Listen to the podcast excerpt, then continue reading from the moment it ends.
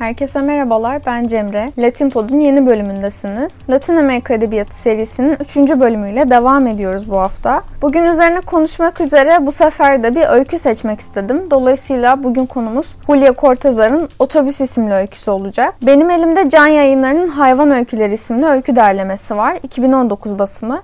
Bu hikayeleri de Süleyman Doğru çevirmiş. Toplam 8 hikayelik bir öykü kitabı.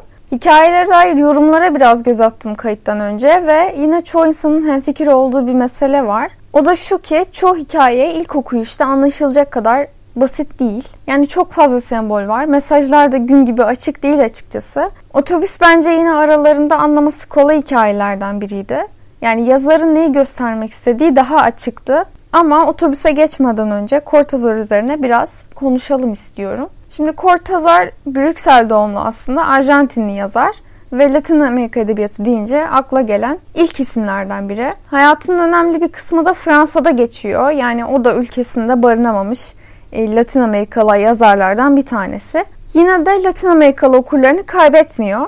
Bir röportajında bu bağı nasıl kurduğu soruluyor ona. Yani özellikle gençler üzerindeki etkisi üzerinden. Buna verdiği ilk cevap öncelikle dil oluyor. Yani Fransa'da da olsa, Fransa'da yaşıyor da olsa İspanyolca yazmaya devam ediyor ve bunun aralarında bir bağ kurduğunu söylüyor.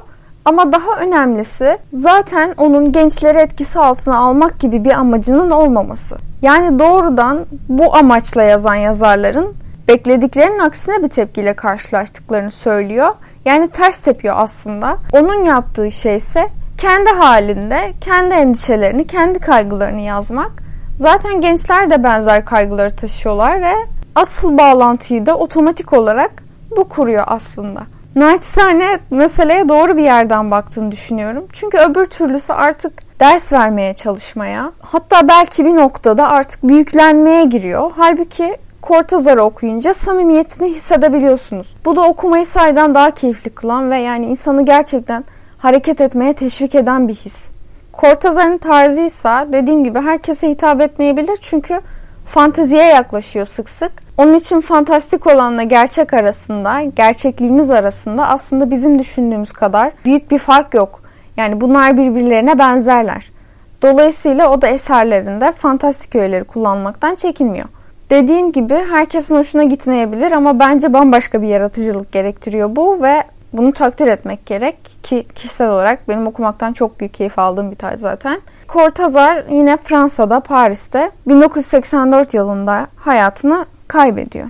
Otobüs hikayesine gelecek olursak çok uzun bir hikaye değil. Olay kısaca şu. E, bir kadın Clara adında arkadaşıyla buluşmak üzere bir otobüse biniyor. Otobüse bindiği andan itibaren de otobüsteki herkes çok rahatsız edici şekilde Clara'ya bakmaya başlıyorlar. Gözlerini dikiyorlar taciz seviyesinde. Sonra anlıyoruz ki tüm bu insanların ellerinde farklı farklı da olsa çiçekler var. Çünkü hepsi mezarlığa gidiyorlar. Clara'da ise çiçek yok. Daha sonra Clara'ya eşlik edecek olan genç adamın da çiçeği yok. Sonradan otobüse biniyor. Dolayısıyla aynı tacizi o da yaşayacak. Bu dert ortaklığı ise bir dayanışma yaratacak ve işin içinden birlikte çıkmaya uğraşacaklar. Görüldüğü gibi Cortázar'ın ele aldığı mesele öteki meselesi. Aslında Cortázar'ın sevdiği bir tema bu. Bizim hikayemiz açısından ellerinde çiçek olmayan Clara bu düzenin ötekisi. Dışlananı, yargılananı ya da yabancısı oluyor. Hangisini seçmek isterseniz. O bakışların hissettirdiği endişeyi, gerginliği siz de karakterle beraber hissediyorsunuz. Yani aslında burada karşılıklı bir tehlikeli görme hali var.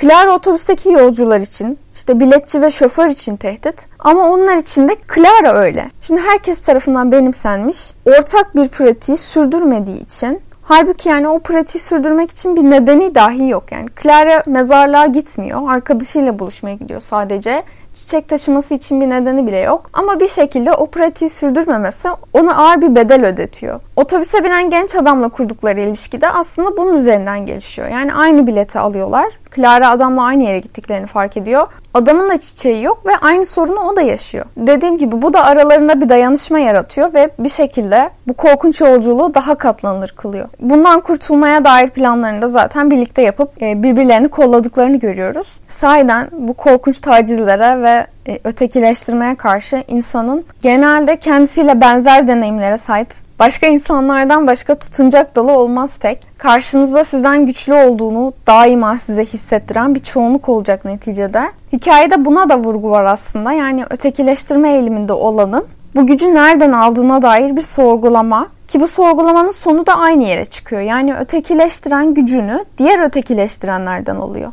Bunu göstermek için mesela iki genç kadından bahsetmiş. Clara onların kendisine böyle yoğun bir baskıyı hissettirebilecek cesareti nereden aldığını düşünürken cevabı genç adam veriyor. Tabii ki diğerlerinden alıyorlar bu cesareti. Mekan olarak bir toplu taşıma aracını seçmiş olması önemli. Çünkü halkın önemli kesimini gözleyebileceğiniz yerler olur bunlar sonuçta. Dolayısıyla anlatmaya ya da göstermeye çalıştığı durumun bir istisna olmadığını yani daha ziyade genel, sık sık izine rastlayabileceğiniz bir gerçeklik olduğunu göstermek adına iyi bir seçim. Bir de mesela hikayeyi okursanız fark edersiniz o bahsettiğim korku hissettirmesi açısından da çok önemli. Çünkü mesela sık sık hızlanıyor otobüs ve Clara'nın bu konuda yapabileceği hiçbir şey yok. Sonuçta şoförümüz var ve kapı açılacak mı? İşte Clara bu gergin ortamdan kurtulabilecek mi? Onu bilemiyorsunuz. Dolayısıyla insan okurken gerildikçe geriliyor. Yalnız sona gelirken e, kahramanlarımız artık otobüsten sağ salim inmeyi başardıktan sonra maalesef hikaye istediğimiz gibi ya da benim istediğim gibi de onların kendileri olmayı başarabilmesi, baskılara işte yenik düşmeden büyük bir cesaret örneği olarak bildikleri şekilde hayatlarına devam etmeleri şeklinde sona ermiyor. Son derece gerçekçi bir şekilde otobüsten iner inmez bir çiçekçi standı bulup onlar da kendilerine çiçekler ediniyorlar. Bu noktadan itibaren ama aralarındaki dayanışma da sona eriyor. Yani görüyoruz ki mesela genç adam yol boyunca kadının koluna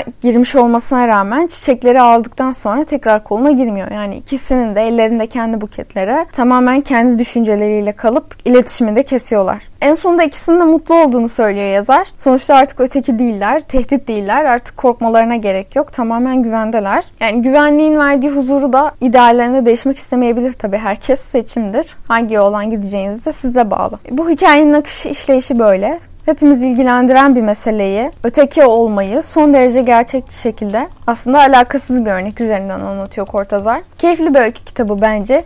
Okumanızı diliyorum ve bu bölümü böylece kapatıyorum. Haftaya Latin Pod'un yeni bölümünde görüşmek üzere. Hoşçakalın.